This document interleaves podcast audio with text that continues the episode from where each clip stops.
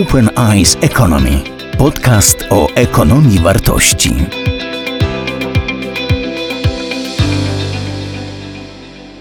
Witam Państwa. Ja będę miał przyjemność prowadzić e, sesję dotyczącą odbudowy e, gospodarczej Ukrainy. Państwo pozwólcie, że zaproszę naszych gości. Pan minister Marcin Przydacz, Panie Ministrze.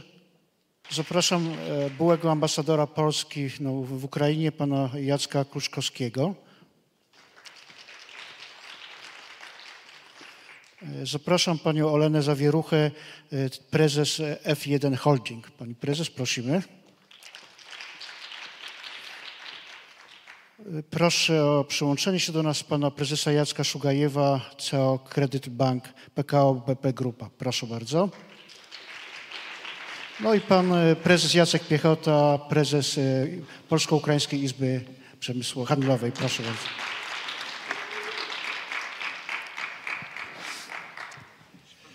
Szanowni Państwo, i o e, gościu już przedstawiłem. Krótko tylko jako wprowadzenie do dyskusji kilka liczb chciałem przywołać, e, które obrazują e, no, to, o czym będziemy rozmawiać. Jest odbudowa, w tej chwili toczy się okrutna barbarzyńska wojna i to jest coś, co jakby przeczy pewnym standardom cywilizacji, budzi oburzenie i moralny sprzeciw, ale również wokół tej wojny, czy równocześnie musimy myśleć o tym, jaka Ukraina e, po tej wojnie, w sensie ekonomicznym, jak budować ten kraj, jak tą gospodarkę ukraińską czynić coraz silniejszą. I żeby uzmysłowić Państwu skalę, przywołam tylko kilka danych. Produkt krajowy brutto Ukrainy e, w tym roku obniży się o 37%. Infrastruktura, koszty zniszczenia szacowane są wedle tego, tego, tych informacji, które ja posiadam, na ponad 100 miliardów. Bardzo wysoka i szybko rosnąca inflacja, wysokie bezrobocie, prawie 40%, yy, szybko rosnące koszty życia. E, No i to są wszystkie te elementy, które bardzo silnie rzutują na sytuację ekonomiczną. To jest dodatkowo negatywny czynnik. W tej sytuacji kluczowe staje się szukanie dobrych odpowiedzi, jak możemy pomóc Ukrainie i jaką ścieżką rozwoju gospodarczego Ukraina powinna podążać. Szanowni Państwo, pierwsze pytanie chciałem skierować do Pana Ministra Przydacza, prosząc o odpowiedź na pytanie, proszę bardzo Panie Ministrze, odpowiedź na pytanie, jak polski rząd pomaga w tej chwili sferze ekonomicznej Ukrainie w czasie wojny. Bardzo dziękuję. Panie profesorze, panie rektorze, szanowni e, państwo, bardzo dziękuję przede wszystkim za e, zaproszenie do tej dzisiejszej e, dyskusji na to ważne wydarzenie, także i na mapie intelektualnej e, Polski. E, Myślę, że ta myśl, która przyświeca kongresowi, że gospodarka, przedsiębiorcy czy przedsiębiorczość opierać się musi nie tylko o chęć zysku, ale także o pewne wartości, wartości istot- istotne społeczne, mogą łączyć ludzi z różnych stron politycznej e, barykady i sam fakt, że jesteśmy dzisiaj tutaj w takim gronie, e, myślę, że jest tego najlepszym em, przykładem. Także jeszcze raz bardzo serdecznie e, za to dziękuję. Dyskusja oczywiście dotyczyć ma i będzie Ukrainy, no, kluczowego chyba tematu, nie tylko z perspektywy politycznej, z perspektywy polityki bezpieczeństwa, ale także i z perspektywy przyszłości ekonomicznej Polski, bo ja śmiem twierdzić, że przyszłość gospodarcza Polski jest w jakimś sensie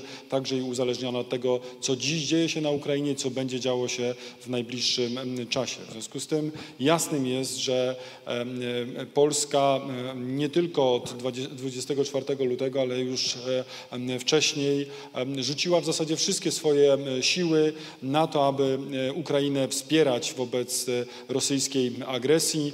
E, Pan profesor pyta mnie tutaj głównie o, e, o wsparcie gospodarcze, no ale nie da się w momencie wojny e, abstrahować od tego, że to wsparcie polityczne i w zakresie militarnym jest tutaj najistotniejsze. A to polityczne wsparcie, ono jest zupełnie niewymierzalne przecież w złotówkach czy w hrywnach, a jest moim zdaniem nawet dużo bardziej istotne w tym dzisiejszym momencie. Więc to polityczne wsparcie Ukraina od nas m, otrzymywała od samego początku.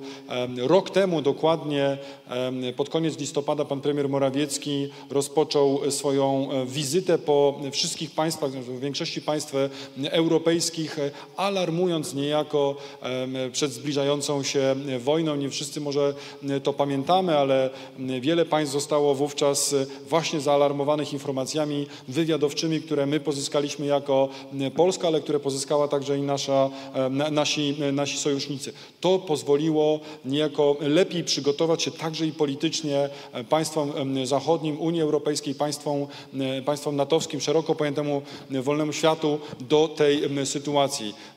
Rosja nie zaskoczyła Ukrainy, nie zaskoczyła nas wszystkich swoją agresją. Niech najlepszym dowodem na brak tego zaskoczenia będzie to, że już w dwa dni po 24 lutego została de facto podjęta decyzja o pierwszych sankcjach nałożonych na Rosję, a w kilka dni później zostały podjęte decyzje dotyczące wzmożenia e, wsparcia militarnego dla, dla Ukrainy. Więc to się dzieje i to się dziać, e, e, dziać będzie. Natomiast równolegle oczywistym jest, że aby móc kontynuować politykę obronną przez Ukrainę, Ukraina musi móc funkcjonować jako państwo, musi móc funkcjonować także jako, jako gospodarka. Pan profesor takie ostrożne szacunki wskazał, że około 37% skurczy się PKB ukraińskie. Ja czytam także i mniej optymistyczne, jeszcze mniej optymistyczne szacunki, że nawet do 50% PKB Ukrainy się skurczy. W związku z tym dziś ważne jest to, aby pomagać Ukrainie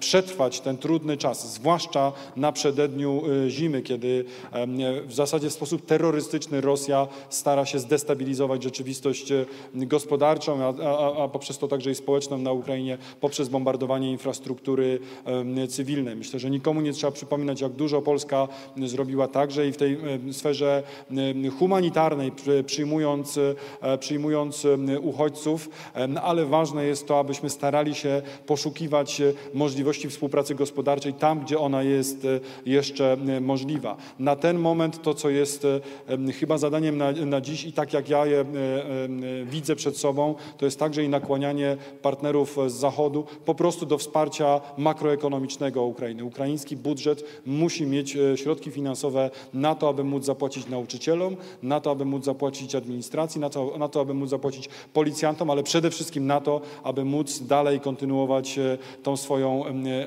kontrofensywę e, celem odzyskania terytoriów. I ta, to wsparcie głównie ze strony Unii Europejskiej, ale także przecież i ze Stanów Zjednoczonych. Ja ostatnio niedawno byłem w Japonii, rozmawiałem o tym konieczności wsparcia. Także i wiceprzewodniczący Dąbrowski ostatnio był w Polsce.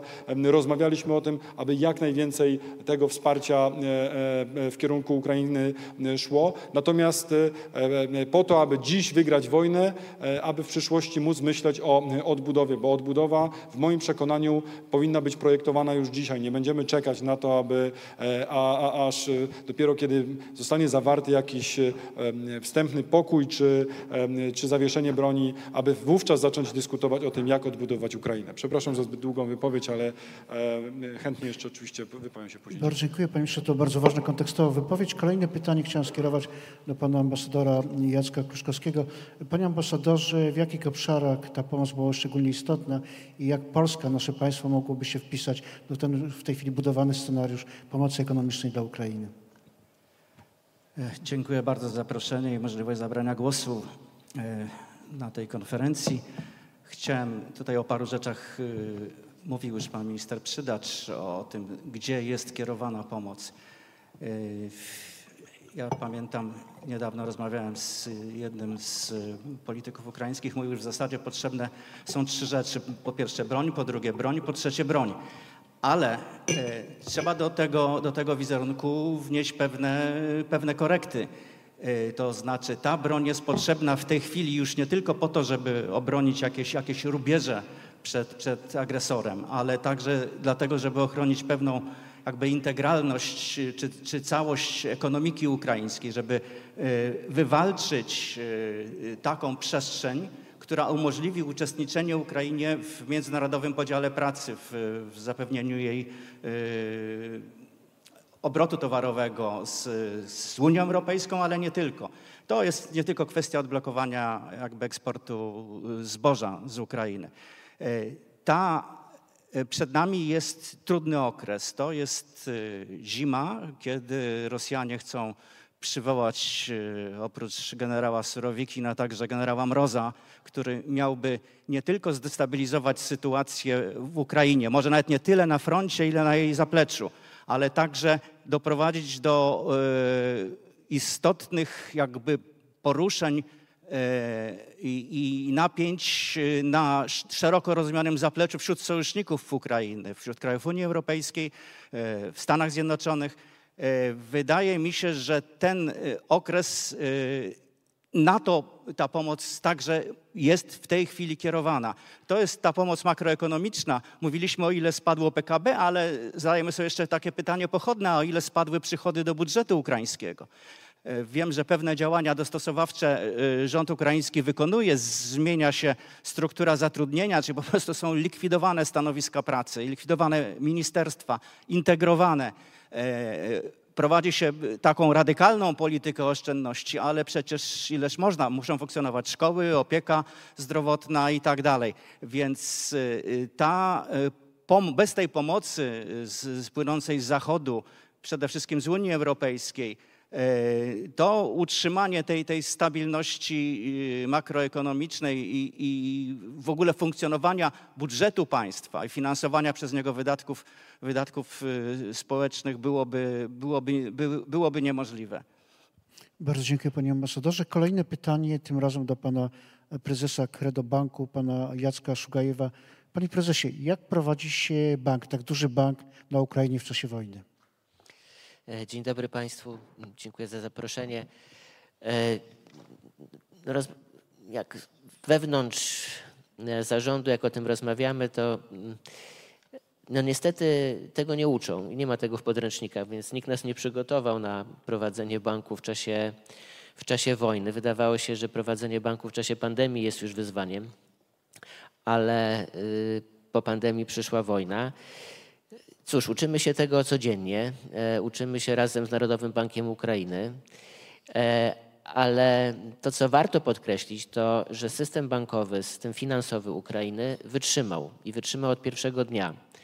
Mimo, że mm, mamy do czynienia no, z wojną na pełną skalę, mimo, że mamy do czynienia ze zniszczeniami infrastruktury, zakłóceniami łączności itd., to wszystko Państwo znacie, System finansowy od pierwszego dnia wojny pracował. Co to znaczy? Banki mimo ostrzału e, otwierały oddziały. Oczywiście tam, gdzie było to możliwe. Wiadomo, że tam, gdzie było zagrożenie życia, zdrowia pracowników, nikt tego nie, nie, takiego ryzyka nie podejmuje. Natomiast e, wszystkie banki starały się tam, gdzie tylko było to możliwe, otwierać oddziały, chociaż na parę godzin, czasami na godzinę żeby dać ludziom możliwość dostępu do, do bankomatów, do, y, do wypłat, do swoich y, skrytek bankowych. Pracowały systemy kartowe, płatnicze, y, bez zakłóceń praktycznie, co jest absolutnym, y, mm, no na pewno zaskoczeniem dla każdego, komu to opowiadam, bo wszyscy spodziewali się, że razem z początkiem wojny y, jednym z takich elementów, który będzie miał największe problemy, będzie właśnie system finansowy. E, Okazało się, że nie. Duża zasługa Banku Centralnego i banków, które podjęły olbrzymi wysiłek, żeby dostosować swoją pracę do tych, e, do tych trudnych warunków, e, ale z zachowaniem bezpieczeństwa swoich pracowników, bo to jest priorytet dla każdego, dla każdego banku. Pracujemy i staramy się być dostępni, ale oczywiście nie stwarzając zagrożenia dla, dla, życia, e, dla życia i bezpieczeństwa naszych pracowników i ich rodzin. I to chyba najkrócej, jak mogę to opisać. A proszę powiedzieć, panie prezesie, ilu pracowników pan ma i ilu klientów pan posiada? Jeżeli chodzi o pracowników, mamy 1500 osób, zatrudniamy, zatrudniamy w tej chwili. E, Liczba klientów to 70 tysięcy klientów korporacyjnych e, i 600 tysięcy klientów, e, troszkę ponad 600 tysięcy klientów indywidualnych. I co dla nas też Kończąc pytanie i odpowiedź na pytanie, jak się pracuje w czasie wojny, okazuje się, że w czasie wojny można też zwiększać liczbę klientów, choć przyznam szczerze, jak zaczynaliśmy swoją pracę pierwszego dnia wojny, wydawało nam się to absolutnie niemożliwe. Bardzo dziękuję. Sz- Szanowni Państwo, jest z nami pani Olena Zawyrukna, e, prezes dużej, znaczącej firmy F1 Holding. E, Pani prezes, jak ta wojna, która toczy się w Ukrainie, wpływa na codzienne funkcjonowanie no, państwa firmy? Dziękuję za zaproszenie i witam Państwa serdecznie na kongresie. Pierwszy raz uczestniczę w takim wydarzeniu i proszę o wyrozumiałość, jeżeli w czasie mojej wypowiedzi pojawia się błędy językowe. cały czas uczę się języka polskiego, ale jak wiadomo, nie jest to łatwy język. Przede wszystkim powiem, że wojna zakłóciła naszą równowagę gospodarczą. Wojna zamknęła granice, zmniejszyła liczbę pracowników, a co się z tym wiąże? Oczywiście zmniejszył się przepływ finansowy. Wpłynęło to na wszystkie procesy wewnątrz holdingu. Oczywiście panikowaliśmy, ponieważ martwiliśmy się o Ukrainie, ale rozumiemy, że trzeba żyć dalej. Mimo tej ciężkiej sytuacji nie rozpadliśmy się jak większość firm. Sytuacja ta jeszcze bardziej nas zmobilizowała do pracy i zebraliśmy się jak nigdy dotąd. Rosji na Ukrainę działaliśmy w sektorach, które były naszą domeną. Od momentu wybuchu wojny w Ukrainie zaczęliśmy aktywnie angażować się w działalność charytatywną. Znacznie rozszerzyliśmy działalność naszej fundacji, dodaliśmy wiele kierunków. I dzięki profesjonalizmowi i potencjalowi zespołu już po miesiącu czasu robiliśmy wszystko na największym poziomie. I chcę zaznaczyć, że równolegle współpracujemy z organami państwowymi i ministerstwami Ukrainy, Polski, Szwecji, Belgii. A teraz chcę powiedzieć o kilku kierunkach naszego działania. Pierwszy to jest przetargi. Przed wybuchem wojny nasza firma została zweryfikowana w systemie Atlantic Alliance. To pozwala nam uczestniczyć w przetargach NATO i ONZ. I już pod koniec marca tego roku zabraliśmy się do pracy i rozpoczęliśmy tworzenie działu przetargów holdingu. I teraz już w tej chwili dział przetargów opracowuje codziennie od 50 do 80 przetargów z różnych branż. Drugi kierunek to jest eksport. Duży wpływ na naszą działalność eksportową miała wojna. Wiele krajów zaczęło się szukać produktów ukraińskiej produkcji już w Polsce. Na eksport produktów mlecznych do krajów arabskich. Również na mąkę, pelety. Ups, przepraszam. O, dziękuję bardzo. I materiały budowlane. No i teraz nadal współpracujemy z różnymi krajami, realizując wszystkie możliwe potrzeby. I trzeci kierunek to jest logistyka. Jesteśmy dobrzy w budowaniu zarządzania wokół biznesu. I dziś, dziś już cztery ukraińskich przedsiębiorcy zainwestowali wspólnie z nami na, od początku lipca tego roku w zakup samochodów leasingowych na kwotę ponad 800 tysięcy euro. I pomimo tego, że biznes transportowy ucierpiał z powodu wojny, ustaliliśmy procesy biznesowe, pokonaliśmy biurokratyczne problemy związane z wydawaniem różnych rodzajów dokumentów i owocem tego są stale zamówienia. I teraz transport towarowy w Unii Europejskiej działa jak mechanizm w szwajcarskim zegarku. No i podsumowując to pytanie, powiem, że o ponad 50% zwiększyliśmy flotę samochodów, zwiększyliśmy personel kierowców i nadal pracujemy nad rozszerzeniem działalności w tych kierunkach. Dziękuję. Bardzo dziękuję. To niezwykle pozytywny obraz wyłania się z opowieści pani prezes. Panie prezesie, pytanie do pana prezesa Jacka Piechoty. Pan kieruje no, dużą strukturą samorządu gospodarczego, Polsko-Ukraińska Izba Gospodarcza. Jak robi się interesy? Jak współpracuje się z firmami ukraińskimi w czasie tej wojny? Proszę, to pytanie do pana. Dzień dobry Państwu. Również dziękuję za zaproszenie. No i też dziękuję za okazję zaktualizowania wiedzy o naszej firmie członkowskiej. Przynajmniej jestem teraz na bieżąco w osiągnięciach holdingu F1. Izma rzeczywiście skupia ponad 200 polskich firm, blisko 150 firm ukraińskich, więc jesteśmy po obu stronach granicy. My mieliśmy w Ukrainie do czasu wojny 12 przedstawicielstw regionalnych. Te przedstawicielstwa od pierwszych dni zaangażowały się w organizowanie pomocy po ukraińskiej stronie. My tutaj z Polski z kolei pomocy wysyłanej do, do Ukrainy. Jesteśmy jedyną organizacją polsko-ukraińską, która wciąż pracuje w Kijowie. Tam nasze przedstawicielstwo co chwila podejmuje, podejmuje problemy polskich firm czy ukraińskich.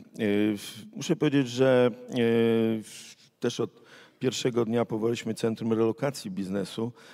No ale przy proteście ambasadora Deszczycy zmieniliśmy nazwę tego, tego centrum. Ambasador Deszczyca oprotestował, rząd Ukrainy jest za relokacją, ale do zachodniej Ukrainy, a nie do Polski. To zrozumiałe. Y, Rzeczywiście rząd ukraiński podjął ogromny wysiłek relokowania, wsparcia relokacji firm ukraińskich z terenów dotkniętych działaniami wojennymi ze wschodnich y, regionów do zachodniej Ukrainy. To też jest y, nowa rzeczywistość ukraińska. Y, My do tej pory mieliśmy sytuację wysoko uprzemysłowionego wschodu i małych, drobnych firm na zachodzie Ukrainy, z którymi nasi partnerzy po polskiej stronie, małe, średnie firmy, nie do końca mogły znaleźć, znaleźć partnerów. Ta sytuacja się zdecydowanie zmieniła. Jak y, nawet na, w, ostatnim, y, w ostatniej debacie mówiła o tym wiceminister gospodarki Ukrainy, pani Tetiana Zbereżny, blisko 800 firm ukraińskich przeniosło się ze wschodu na zachód Ukrainy, więc zupełnie nowa struktura. To raz. Dwa, y, firmy ukraińskie bardzo aktywnie działają, działają w Polsce. To notabene pani prezes Zawierucha jest przykładem no, no, no, nowego spojrzenia, nowej aktywności i kreatywności kadry, kadry ukraińskiej. Mm, Ukraina naprawdę się zmienia. My mamy niestety wciąż do czynienia z takim stereotypem naszego widzenia czy naszego oceniania ukraińskiego biznesu, ukraińskiej gospodarki. Bardziej to wszystko oceniamy przez pryzmat zaszłości, w tym również i różnych korupcyjnych, e, korupcyjnych wydarzeń. E, To się zdecydowanie zmienia. Ukraińcy bardzo aktywnie działają dzisiaj również w Polsce. E, To też padło w piątek w czasie panelu. Jedna dziesiąta firm dzisiaj w Polsce, rejestrowanych firm i aktywności gospodarczych, to kapitał ukraiński czy Ukraińcy rozpoczynający działalność gospodarczą w Polsce. Obserwujemy też nowe zjawisko. E, Firmy ukraińskie należące do Ukraińców, którzy emigrowali z Ukrainy po 2014 roku, a więc tej wysoko uprzemysłowionej części Ukrainy, z Doniecka najczęściej. E, Ci e, właściciele ulokowali się w Belgii, w Holandii, w, w Hiszpanii. Te firmy o globalnym zasięgu europejskim w różnych branżach, ale najczęściej opartych o nowe technologie, dzisiaj przychodzą do Polski, tu chcą lokować swoje centra aktywności z myślą o tym, by uczestniczyć za chwilę w procesie odbudowy Ukrainy, właśnie działając stąd z Polski. Także też nowa, nowa sytuacja. I rzeczywiście mm, o tym mówiła też y, wiceminister gospodarki w piątek. y, Ona mówiła o 50% PKB, o blisko połowie firm, które zaprzestały swojej działalności, a pomimo to Ukraina żyje i działa. Y, Co widać w obrotach handlowych, trzeba uczciwie powiedzieć, że wzrost obrotów handlowych, zarówno eksportu polskiego do Ukrainy, jak i ukraińskiego do Polski, e, bierze się raz z tego, że wciąż aktywność gospodarcza jest, ma miejsce w Ukrainie, ale dwa też i z tego, to trzeba przyznać, że zmieniły się strumienie eksportu. Zablokowanie portów ukraińskich to nie tylko zboże. Ukraina do tej pory blisko 90% swojego eksportu realizowała drogą morską. To dzisiaj ruszyło przez polską granicę, stąd notabene te napięcia na granicy. Część zbóż zostaje w Polsce, co tu dużo mówić. Stąd wzrost eksportu ukraińskiego do Polski. Z naszej strony to przede wszystkim sprzedaż paliw, ropopochodnych i generatorów w ostatnim czasie, bo to jest dzisiaj wyzwanie Ukrainy. Także nasze obroty handlowe wzrastają. Z jakiego powodu? Powiedziałem, więc y, żyje, żyje przedsiębiorczość po polskiej, po ukraińskiej stronie. Bardzo dziękuję Panie Prezesie. Tym razem drugą e, ru- rundę naszej rozmowy rozpoczęlibyśmy od Pani Prezes E, i chciałam Panią Prezes zapytać, e, jak no, tak duża międzynarodowa firma jak holding, którym Pani kieruje, przypomnę F1 Holding, transformując się, bo pani prezes wspomniała o tym, że zmienia się firma, e, poszerza liczbę samochodów, rozszerza swoje aktywności biznesowe. W istocie odwracając trochę myślenie, jak może pomóc gospodarce ukraińskiej w jakiejś skali w transformowaniu się e, z nadzieją przy założeniu, które wydaje się być oczywiste, że Europa czeka na Ukrainę, a Ukraina szybko zmierza w kierunku Europy. No, Zacznę swoją odpowiedź o tego, że ogromna liczba ukraińskich firm znajduje się w Polsce. І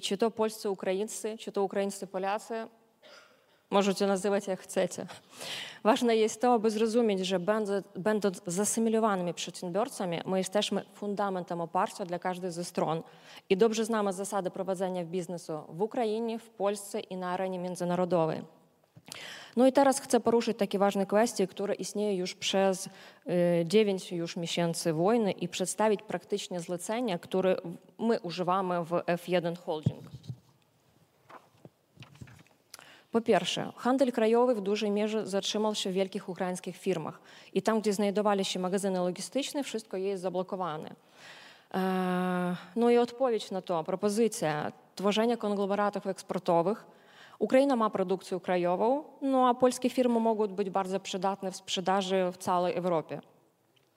Po drugie, zatrzymano logistykę międzynarodową. Lotniska zamknięte, ograniczenia na granicach państwowych. Co my proponujemy i co my robimy? Tworzenie magazynów logistycznych w Polsce na wprowadzanie importowanych przedzespołów. No i logistyka transportowa. Dzięki Gdyni już bardzo dużo ukraińskich po prostu produktów wychodzi w świat. No i kolejnym problemem jest to, że firmy produkcyjne w Ukrainie zostały zmuszone do ograniczenia produkcji. Dziesiątki tysięcy ludzi pozostają bez pracy, ponad 3 miliony ludzi opuściły swoje domy, stracili miejsca pracy, a tym samym wypadły z gospodarki. No i odpowiedź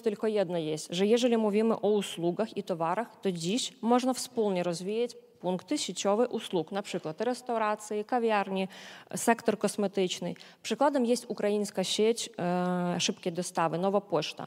No bo w ciągu miesiąca otworzyli już cztery oddziały w Warszawie, a to są nowe miejsca pracy dla ludzi. Dostarczamy wysokie jakości usługi i równocześnie płacimy od tego podatki. No i wszyscy są zadowoleni. Chodzi o towary, to międzynarodowe sieci handlowe chętnie przyjmują produkty innych krajów. No i jest taka potrzeba, ponieważ na towary rosyjskie nałożono embargo. A teraz najważniejsze. IT, usługi bankowe, systemy płatności, innowacje, rozwój to coś, z czym wygra gospodarka każdego kraju. Zwłaszcza jeżeli chodzi o najbezpieczniejszą technologię na świecie, blockchain. To jest coś, coś z czym można zrobić tak zwany cud gospodarczy. Podobnie jak zrobił kiedyś w Singapurze Lee Kuan Yew. Ale nie przez 50 lat, a następne 5-7 lat. No i powiem szczerze, że nasz holding już intensywnie działa w tym kierunku. Polska, Ukraina, no i cały świat. dziękuję. Bardzo dziękuję pani prezes. Kontynuując ten wątek, wiemy jak firmy ukraińskie myślą o transformowaniu gospodarki ukraińskiej, czyli pójściu w kierunku bardzo zaawansowanych technologii, nowoczesnych modeli biznesowych. I w tym kontekście pytanie do pana prezesa Piechoty, jak polskie firmy mogą w istocie włączyć się w radykalną przebudowę gospodarki. Ta współpraca trwa od lat. Pan prezes wspomniał, że wolumen wymiany, wartość rośnie, ale pytanie, czy ta wojna i to, co po tej wojnie jakoś istotnie zmieni ten model biznesowy i czy będziemy mogli liczyć na jeszcze szerszą skalę kooperacji i być może w innych sektorach, w których ta kooperacja w tej chwili wygląda no, pewnie mniej imponująco. Czy powiem tak, grzeszymy, jeśli nie wykorzystamy tej szczególnej sytuacji. Mamy wszystkie dane ku temu, by być najaktywniejszymi w procesie odbudowy Ukrainy. No i co tu dużo też mówić, y, budować nasz biznes, rozwijać nasze, nasze firmy. Zainteresowanie udziału w procesie odbudowy Ukrainy jest przeogromne. Polska Agencja Inwestycji i Handlu rozpoczęła zapisy firm polskich zainteresowanych udziałem w tym procesie. Blisko chyba już 1400 firm tam się zapisało. Faktem jest, że 30% to około 30% to firmy budowlane, ale są też firmy z bardzo różnorodnych branż. My obserwujemy każdego dnia zainteresowanie y, rozwojem wydarzeń, perspektywą nie ma tygodnia, żeby do Izby nie wstąpiły dwie, trzy nowe firmy szukające partnerów po ukraińskiej stronie. Y, jakie warunki muszą być spełnione? No, po pierwsze, dobra koordynacja z naszej strony. Y, my już y, trzeciego dnia od agresji wystąpiliśmy do premiera o powołanie pełnomocnika rządu do spraw całokształtu procesów związanych z Ukrainą, kryzysu ukraińskiego. Tak się nie stało. Mamy dzisiaj pełnomocnika rządu do spraw uchodźców, pełnomocnika ministra rolnictwa do spraw ukraińskich, jeśli chodzi o zboże. Mamy nadzieję, że będzie pełnomocnik rządu do spraw właśnie działań na rzecz odbudowy Ukrainy. Z przecieku wiem, że takie myślenie jest po stronie rządowej na szczęście. Y, bo nawet mieliśmy do czynienia w pewnym momencie z konkurencją dwóch ministrów o to, który będzie odbudowywał Ukrainę, zarówno Ministerstwo Rozwoju i Technologii poprzez PAIH, jak i Ministerstwo Aktywów Państwowych zapisywało polskie firmy do udziału w tym procesie. Ale dzisiaj sytuacja jest, y, już się wykrystalizowała, to PAIH tę listę tworzy. Warto notabene to apel do wszystkich, na tej liście być, dlatego że PAIH prowadzi bardzo aktywną y, działalność edukacyjną dla polskich firm. Po to, by skutecznie uczestniczyć w procesie odbudowy Ukrainy, no, trzeba znać realia, trzeba umieć się poruszać y, w przetargach międzynarodowych. To, o czym Olena mówiła, zarówno przetargi ONZ-owskie, natowskie, y, przetargi zachodnie, system ukraińskich zamówień publicznych Prozoro, to wszystko trzeba opanować, aby skutecznie sięgnąć po, y, po pieniądze i uczestniczyć w realizacji konkretnych projektów. No tu niezmiernie ważne jest to, apel do pana ministra, czyńmy wszystko, aby pomoc unijna była pomocą nieznaczoną, znaczy nieskładkową poszczególnych krajów członkowskich, ale właśnie finanse poprzez zaciągnięcie wspólnych zobowiązań przez całą Unię Europejską. Bo jeśli będą to pieniądze składkowe, to będą to pieniądze znaczone, a każdy kraj, który się złoży na odbudowę Ukrainy, będzie dbał o to, żeby beneficjentem był jego biznes. Więc w naszym interesie leży, by te pieniądze unijne nie były, nie były znaczone. No i wreszcie to, o co też apelujemy do polskich firm, szukajmy partnerów po ukraińskiej stronie. Czy takich firm jak firma Oleny, która już jest bardziej polsko-ukraińska czy ukraińsko-polska, bo zrozumiałe, że rząd Ukrainy będzie kładł nacisk na to, by w procesie odbudowy Ukrainy uczestniczyli Ukraińcy. No bo można sobie wyobrazić odbudowę murów, dróg, mostów, autostrad, tylko jeszcze to trzeba potem wypełnić aktywnością gospodarczą. Tam jeszcze musi być ukraińska przedsiębiorczość, więc warto, warto takich partnerów szukać, szukać już. No i wreszcie problem, który bezwzględnie musimy rozwiązać Wiem, że oba rządy nad tym pracują. W ostatnim czasie ogłoszono, że rozpoczęły się prace nad wprowadzeniem y, odpraw celnych w tak zwanym w jednym miejscu, by usprawnić procedurę na, na granicy. My zapraszamy 12-13 grudnia na konferencję Granica Polsko-Ukraińska Szansa czy Bariera Rozwoju pod y, patronatem obu współprzewodniczących Międzyrządowej Komisji do Spraw Współpracy Gospodarczej. Co tu dużo mówić o udziale polskich firm w odbudowie, w odbudowie Ukrainy, jak przysłowiowy tir z cegłami będzie tam stał pięć dni, no to, to już nie będzie tam chciał wrócić. Zresztą transportowcy generalnie na, na sytuację na granicy narzekają, chociaż zdecydowanie ona w ostatnim czasie dzięki wysiłkom obu stron y, się poprawiła, ale to wciąż nie jest, nie jest y, granica, która będzie sprzyjała naszemu aktywnemu udziałowi w odbudowie Ukrainy. Bardzo dziękuję. Przepraszam, pytanie do mm, pana mm, prezesa Szukajewa. Panie prezesie, pan jest bankowcem, zarządza pan dużym bankiem. Gdyby spojrzeć na próbę szacowania kosztów odbudowy Ukrainy, jak w tym sektorze te koszty się szacuje? Jaka jest skala, jaka jest pana opinia w tej materii? Szukając spójnego mianownika, skala ogromna. I, i, i tutaj pewnie można byłoby postawić kropkę, y, ale przechodząc, jak ona jest y, oceniana w sensie w pieniądzu, to te szacunki są bardzo różne.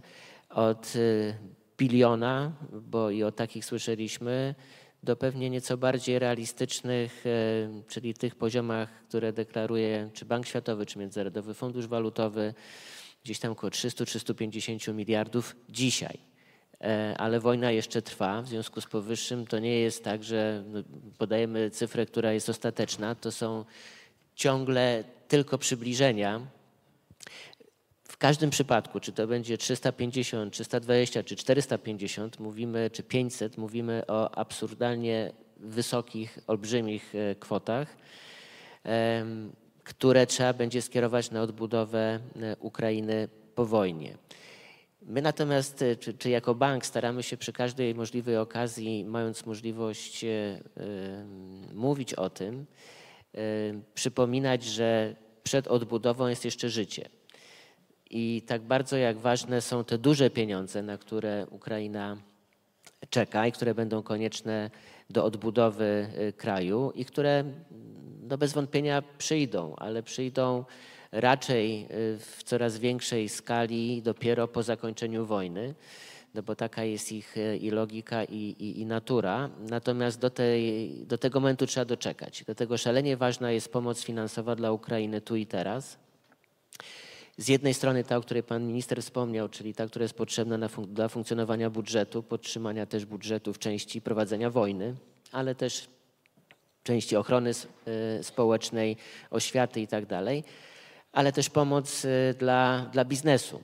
Tutaj Jacek wspomniał, że no, trzeba będzie kiedyś y, infrastrukturę odbudowaną zapełnić biznesem, ale też trzeba będzie mieć partnerów, żeby Ukrainę odbudowywać padły cyfry, mm, one są pewnie jeszcze bardziej smutne niż, niż te, które, które słyszymy, bo mm, weźmy chociażby bezrobocie. Ono oficjalnie jest na poziomie 304%, ale jeżeli doliczymy 16% ludzi, którzy teoretycznie są zatrudnieni, ale nie otrzymują wynagrodzenia, no to włącznie z takim utajonym bezrobociem mówimy już o 50%. 50% biznesu stanęło. E, prawdopodobnie według szacunków następne 20 do 30 pracuje na półgwistka, tak to nazwijmy, czyli w ramach możliwości, znaczy ograniczonych możliwości, ograniczonych wojną, lokalizacją, w której się znajdują. Nie wszystkim się udało przenieść na Ukrainę Zachodnią, czy, czy dalej gdzieś, e, gdzieś w Europie. W związku z tym ten biznes ukraiński e, no, no, musi otrzymywać pomoc i wsparcie, ten, który jeszcze funkcjonuje, który chce funkcjonować, również po to, żebyśmy mieli partnerów po odbudowie. Dlatego oprócz tych wielkich miliardów, każde środki, które można, e, które mogą trafić na Ukrainie teraz, nie tylko te na wsparcie dużych wydatków e, budżetowych, jak tym właśnie wojny, ale też na podtrzymanie biznesu są szalenie ważne, a tych pieniędzy póki co nie jest za dużo. Niestety międzynarodowe instytucje finansowe też bardziej planują swoje budżety i rozmawiają o tym dużym kroku następnym, natomiast ten pierwszy no, jest trochę skąpy. Panie profesorze, chciałem dopytać, bo dziś e, spotkałem się z taką informacją, że rząd ukraiński pomimo tej dramatycznej sytuacji bardzo mocno eksponuje potrzebę wsparcia przedsiębiorców ukraińskich, udziela szereg kredytów, czy zabiega o to, żeby te kredyty były dostępne dla przedsiębiorców ukraińskich. I moje pytanie, bank, który pan prowadzi, no bo to jest też biznes, jest rentowność ekonomiczna e, i pan z pewnością też udziela takich kredytów. Jaki jest poziom zabezpieczenia? Czy to jest bariera, która jest do pokonania w tej sytuacji dla przedsiębiorców ukraińskich? Znaczy może y, najważniejszy komentarz i taki pierwszy, y, działalność kredytowa banków na Ukrainie praktycznie zamarła. E, banki, jeżeli prowadzą, i odniosę to do nas, działalność kredytowa my ją prowadzimy, dotyczy to głównie tak zwanych istniejących klientów i w ramach limitów, które kiedyś zostały im przyznane i które odnawiamy. Natomiast jeżeli chodzi o nową, nową, e, nowe kredytowanie, to praktycznie poza rządowym programem 579 i trochę działalnością kredytową banków państwowych jak Prywat e, czy, czy Oszczad, ona jest e, no, delikatnie rzecz biorąc znikoma. Dlaczego? No dlatego, że poziom rezerw pod już istniejące portfele kredytowe, właśnie na skutek chociażby utraty wartości zabezpieczeń, szczególnie na terenach dotkniętych działaniami wojennymi, jest tak wysoki, że prowadzenie działalności nowej kredytowej podbija tylko bębenek, tworzy następne rezerwy i to trochę, trochę się zapętla. Stąd e, wielka ostrożność banków i stąd oczekiwanie na instrumenty, które by pozwoliły zdjąć z banków choć część tego ryzyka, właśnie po to, żeby uruchomić działalność kredytową. E, no, tutaj szczególnie mowa o programach gwarancyjnych, czy, e, czy EBOR-u, czy Komisji Europejskiej, może inaczej, we współpracy z Komisją Europejską albo Europejskiego Banku Inwestycyjnego. Tyle tylko, że tak jak wspomniałem, te środki są na razie jeszcze no, mocno ograniczone. One nie, nie wprowadzą wielkiej czy dużej zmiany jakościowej. Ale ja przepraszam, wchodząc w słowo mm, prezesowi, wchodząc Jackowi, yy, z uznaniem pod adresem kierownictwa Korporacji Ubezpieczeń Kredytów Eksportowych, które muszę powiedzieć bardzo aktywnie szuka nowych rozwiązań. Rozszerzono e, działalność ubezpieczeniową na kwestie związane z transportem do Ukrainy, a wiem, że Y, ta y, działalność, y, aktywność KUKE ma zostać jeszcze rozszerzona. Wymaga to, o ile wiemy od kierownictwa KUKE zmian y, legislacyjnych, zmian ustawowych, by e, rozszerzyć możliwości działania ale jest tutaj rzeczywiście pełne zrozumienie co do konieczności stworzenia instrumentów wsparcia dla, e, dla biznesu polskiego działającego w Ukrainie, czy ukraińskiego w tym przypadku, będącego już w Polsce. Także trzeba to oddać, że KUKE jest tutaj y, niezmiernie aktywne. To, to dobra wiadomość, bo to fundamentalna sprawa dla prowadzenia biznesu. Y, kolejne pytanie kieruję do pana ambasadora Jacka Kluszkowskiego. Panie ambasadorze, tutaj pan prezes wspomniał trochę o tej pomocy zagranicznej. Koncentrujemy się na pomocy ekonomicznej dla Ukrainy. Jak pan ambasador widzi tą pomoc, która płynie? Jak pan ją ocenia i gdzie ewentualnie dostrzega pan mankamenty tej pomocy? Abstrahuję od tego, że pewnie jest za mało, mówię o tej finansowej, ale jakby Pan spojrzał z tej perspektywy, gdzie ta pomoc, jak ją Pan ocenia i co należałoby zmienić, żeby ta pomoc była i pewnie większa i bardziej skutecznie trafiająca? Ja bym nie chciał tutaj wypowiadać się za lepszych znawców y, tej problematyki, jak pan prezes Piechota i pan prezes Szugajew. Ja chciałbym zwrócić uwagę na pewne takie jakby bardziej ogólne uwarunkowania y, udzielania pomocy i, perspektyw także y, no, przyszłych inwestycji, czy też udziału naszych firm w procesie, w procesie odbudowy. Oczywiście ważne, ważne jest wypracowanie tutaj pewnej inżynierii finansowej, która byłaby i bezpieczna i dostępna, y, ale zwróćmy uwagę, już jak przejdziemy tę bardzo ważną i, i krytyczną w moim przekonaniu rubież y, zbliżającej się zimy, e, jest y, kwestia utrzymania dotychczasowych mechanizmów wsparcia, no przede wszystkim przez Unię Europejską, ale nie tylko. Chodzi mi o otwarcie e, rynku europejskiego, rynku Unii Europejskiej e, na, na, na towary ukraińskie, czyli jak gdyby wprowadzenie takiej generalnej strefy wolnego handlu jednostronnej z korzyścią dla Ukrainy, która, która no, rozszerza możliwości ukraińskiej gospodarki, a zwłaszcza jak, jak ustaną działania wojenne, wydaje mi się, że, że to y, utrzymanie tego poza horyzont 2023 roku, e, powiązanie tego także z mechanizmami, z mechanizmami negocjacyjnymi dotyczącymi wstąpienia Ukrainy do Unii Europejskiej byłoby bardzo ważne dla y, odbudowy gospodarki ukraińskiej, chociaż oczywiście trzeba się liczyć z tym, że poszczególne kraje członkowskie, zwłaszcza w miarę jak gospodarka ukraińska y, będzie się odbudowywała, no, będą tutaj zgłaszały swoje zastrzeżenia czy, czy, czy, czy pretensje.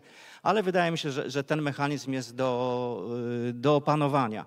Drugą taką kwestią jest y, też z końcem 2023 roku wygasa, wygasa dyrektywa o pomocy czasowej dla uchodźców też wydaje mi się, że, że te perspektywy, niezależnie od tego, czy działania, z, y, mam nadzieję, że działania y, zbrojne zakończą się przed, przed połową przyszłego roku, y, taka aktywna faza wojny, to, to tym niemniej tego typu pomoc dla uchodźców, dla ludzi, którzy próbują sobie zorganizować życie tutaj, no, ma znaczenie nie, nie, tylko humanitarne, ale także gospodarcze. Ono, ono, ona także stwarzałaby pewne warunki takiego cywilizowanego powrotu y, uchodźców ukraińskich na rynek pracy w Ukrainie. Nie tylko y, jeśli chodzi o rynek pracy y, w krajach Unii Europejskiej, ale, ale w Ukrainie.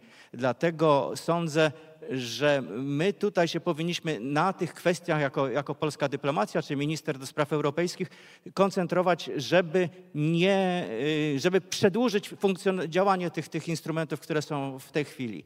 Y, kolejna sprawa, która wydaje mi się, że tu jest w tej chwili istotna, Wiadomo, że zaczęły się negocjacje, jak gdyby zostało otwarte, zapalone zielone światło do negocjacji o przyszłym członkostwie Ukrainy w Unii Europejskiej, a więc y, transponując to na, na, na obszar gospodarczy w, w, jednolitym rynku, w Unii Celnej e, Europejskiej, e, e, w strefie Schengen w dalszej perspektywie, ten, ten mechanizm negocjacyjny, on powinien być w jakiejś mierze tutaj powiązany z poszczególnymi etapami odbudowy. Co więcej, ta odbudowa nie powinna być, powinna być nastawiona, no zwłaszcza jeśli chodzi o środki europejskie, właśnie na wsparcie mechanizmu y, y, negocjacyjnego, na to, żebyśmy mogli, nie wiadomo kiedy te negocjacje się zakończą, więc być może należałoby opracować ramy prawne dotyczące tymczasowej implementacji y, osiągniętych porozumień w poszczególnych kwestiach. Wydaje mi się, że to jest zadanie, które może być, ono jest y, może łatwiejsze do sfinansowania, y, w tym sensie, że na pewno by to nie były pieniądze znaczone, tylko byłyby to pieniądze de, facto Unii Europejskiej i innych instytucji finansowych. E, I tutaj zresztą tak samo mogłaby się wykazać Polska, która ma e, ten swój instrument wsparcia, także traktatowego. Przygotowuje się nowy, nowy traktat polsko-ukraiński. Wydaje mi się, że sensem tego traktatu jest, są, no oczywiście bardzo ważne są konsultacje polityczne, spotkania prezydentów, premierów, rządów, nawet jak to mamy w wypadku Niemiec i Francji, bo to jest jako wzór jest brany traktat elizejski, francusko-niemiecki z 1962 roku. Ale e, ta, e, ten traktat przyszły powinien być w moim przekonaniu e, jednym z takich mechanizmów wsparcia procesu integracji Ukrainy z Unią Europejską i integrowania jej gospodarki, bo powrotu do, do dawnej gospodarki ukraińskiej sprzed 22, sprzed 24 lutego 22 to, to niestety w moim przekonaniu już nie będzie. Bardzo dziękuję. Pytanie, które chciałem skierować, to, to krótko. To ja tylko powiem, że na szczęście nie będzie powrotu do tamtej gospodarki, panie ambasadorze Jacku, bo co tu dużo mówić, ukraińska gospodarka zdominowana była przez sektory ciężkie, energochłonne, nieefektywne y, i tak dalej, i tak dalej. Więc y, na szczęście nie będzie to powrót do tamtej gospodarki. Ja rozumiem, że miałeś jakby co innego na myśli, ale y, żebyśmy byli dobrze zrozumiani. I Ukraina to doskonale rozumie. Idąc do Unii Europejskiej, planuje budować gospodarkę zgodną z unijnymi wymogami, a więc zielona gospodarka, zeroemisyjne źródła energii i tak dalej, i tak dalej. Ukraina w tym procesie ma szansę przeskoczyć pewną epokę tak naprawdę swoim rozwoju, bo już nie będzie odbudowywać tych ciężkich, nieefektywnych sektorów, będzie budować nowoczesną, nowoczesną gospodarkę, e, przeskakując pewien etap, bo, bo dzisiaj te wszystkie ciężkie sektory są brownfieldami na wschodzie, na wschodzie Ukrainy. Bardzo dziękuję. Ostatnie pytanie chciałem skierować do pana ministra Marcina Przydacza. Panie ministrze, to co jest oczywiste, to wielka skala zniszczenia i potrzeb w zakresie odbudowy gospodarczej Ukrainy. To również specyficzna rola Polski wynikająca z różnych uwarunkowań. I teraz mamy różne pomysły. Mamy dużo dyskusji w Unii Europejskiej, jak to czynić. Amerykanie są bardzo aktywni. No i wreszcie mamy nasz kraj, nasz interes narodowy. I z perspektywy polskiej dyplomacji, polskiej racji stanu, jak pan widzi rolę Polski w konstruowaniu, wpływaniu, kształtowaniu i współprowadzeniu tej polityki? Bardzo dziękuję. Zanim odpowiem na to pytanie, dwa słowa e, komentarza. Rzeczywiście traktat polsko-ukraiński, nowy, który w tym momencie powstaje, jest negocjowany, e, będzie traktował także i o kwestiach współpracy gospodarczej, poza tymi elementami natury politycznej, dialogu politycznego, właśnie tak jak pan ambasador to wskazywał, no chcemy, żeby, żeby ten nowy dokument był taką podwaliną po przyszłą, e, bliższą e, relację gospodarczą pomiędzy polsk polskimi przedsiębiorcami a ukraińskimi. I jasnym jest, że pewnego rodzaju takim azymutem, czy, czy takim, takim kierunkiem reform gospodarki ukraińskiej, no będzie, ten, ten kierunek będzie wyznaczała przyszła integracja e, z Unią Europejską. Znaczy ta reforma ukraińskiej gospodarki ma być równolegle dostosowywaniem się jakby do rzeczywistości gospodarczej e, nowej, do rzeczywistości gospodarczej europejskiej. Tak jak pan e, prezes Piechota mówił, rzeczywiście to może być też pewnego rodzaju szansa, czy to już jest szansa. W ogóle już obserwujemy pewnego rodzaju zmiany na Ukrainie, przerzucenie ciężaru, czy tego, tej siły ciężaru ze wschodu w kierunku zachodnim. No zobaczmy, co się wydarzyło na poziomie chociażby demograficznym, prawda? Z, to Donbas przez e, ostatnie dziesięciolecia był głównym kierunkiem, głównym takim siłą ciążenia e, ukraińskiej gospodarki, ale także i demografii. No dzisiaj już Donbas takiej roli nie będzie e, pełnił. Podobnie cały łuk, łuk Dniepru, to wszystko przesuwa się na zachód, wymuszone trochę ucieczką przed, przed przed wojną, ale część z tych ludzi tutaj e, zostanie. Część zostanie na zachodniej Ukrainie, część zostanie w Polsce i to są w naturalny sposób e, czynniki nas, e, nas łączące, al- ale do tej przyszłej odbudowy potrzebne są środki. Tutaj się zgadzam, to nie mogą być e, środki, w której każdy zadeklaruje jakąś swoją małą cząstkę i będzie chciał z tego tortu skorzystać przede wszystkim dla, dla siebie. E, Tak, uważam, że ten fundusz powinien być dużo, e, dużo szerszy, ale nie możemy tylko, e, panie prezesie, opierać się na e, środkach, które będą e, wpłacane przez e, e, państwa unijne. Znaczy, po pierwsze, my musimy zacząć od e, pozyskiwania tych środków e, od tego, który wy, wy, wywołał tę wojnę.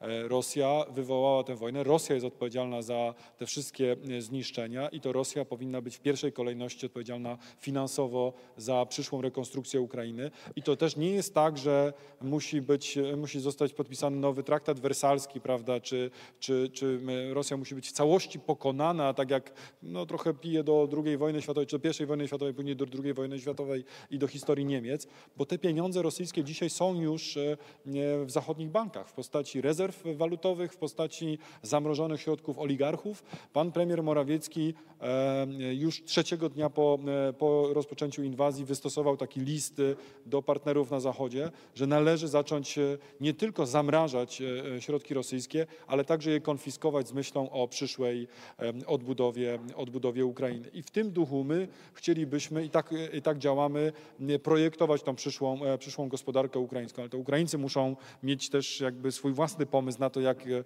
chcą ją e, widzieć. My możemy się dzielić tylko swoimi doświadczeniami ostatnich e, 30 lat reform i dostosowywania się do e, e, nowoczesnych e, trendów e, światowych. Polscy przedsiębiorcy myślę, że są, tak jak pan prezes mówił, gotowi do tego, żeby uczestniczyć w tym, w tym procesie i w naturalny sposób, ja przynajmniej tak w rozmowach dyplomatycznych staram się pokazać te nasze takie asety. No my będziemy jako Polacy, jako polska przedsiębiorczość e, mieli pewnego rodzaju dodatkowy mandat do, w, tej, w tej odbudowie. Oczywistym jest, że pan prezydent Zeleński będzie chciał, żeby to robili przede wszystkim ukraińscy przedsiębiorcy, ale te e, społeczne relacje nawiązane w ostatnich miesiącach czy, e, czy latach, obecność tylu młodych e, przedsiębiorczych Ukraińców tutaj na, w Polsce, no będzie profitować w przyszłości. A dodatkowo ja uważam, że ta inwestycja e, polityczna, jaką Polska poczyniła e, przez ostatnie miesiące, no powinna też przynieść jakieś pozytywne e, rezultaty. Jestem w stanie sobie wyobrazić, że każdy mer em, czy minister e, rządu w Kijowie no będzie e, albo przynajmniej powinien choć trochę bardziej przychylnie spoglądać na e, polskie inicjatywy, mając na uwadze te wszystkie e, działania, które się w ostatnich miesiącach e, działy i te miliardy przecież e, euro, które e, Polacy, polski e, podatnik, polski rząd ofiarował Ukrainie celem jej e, wsparcia. Bardzo dziękuję. Bardzo dziękuję panie ministrze. Proszę jeszcze krótki E, komentarz. I, i bardzo, bardzo szybko i bardzo krótko. E, Takie, takie praktyczne spojrzenie ze, z, y, z punktu widzenia Ukrainy i pracy na Ukrainie. E, Tak duży sentyment, tak duża, myślę, wdzięczność, tak to możemy nazwać, dużo ciepłych, e, ciepłych uczuć, ale później przyjdzie biznes i tam nie będzie żadnych sentymentów. Już teraz rząd ukraiński e, podpisuje dużą umowę bilateralną z Turcją. Już teraz podpisuje dużą bilateralną umowę z Austrią na odbudowę szpitali, szkół i tak. Jeżeli my nie będziemy gotowi, a, do, a przez gotowość mam na myśli nie tylko naszych przedsiębiorców, ale gotowość wsparcia ze strony rządu, bo to, o czym mówią Ukraińcy, to że e, po stronie niemieckiej to już jest gotowe. KFW jest przygotowane, czyli ich bank rozwoju z gwarancjami. Hermes jest gotowy z gwarancjami. Jeżeli my tego samego nie zrobimy, to z całym sentymentem i szacunkiem do nas, no niestety nie odniesiemy sukcesu.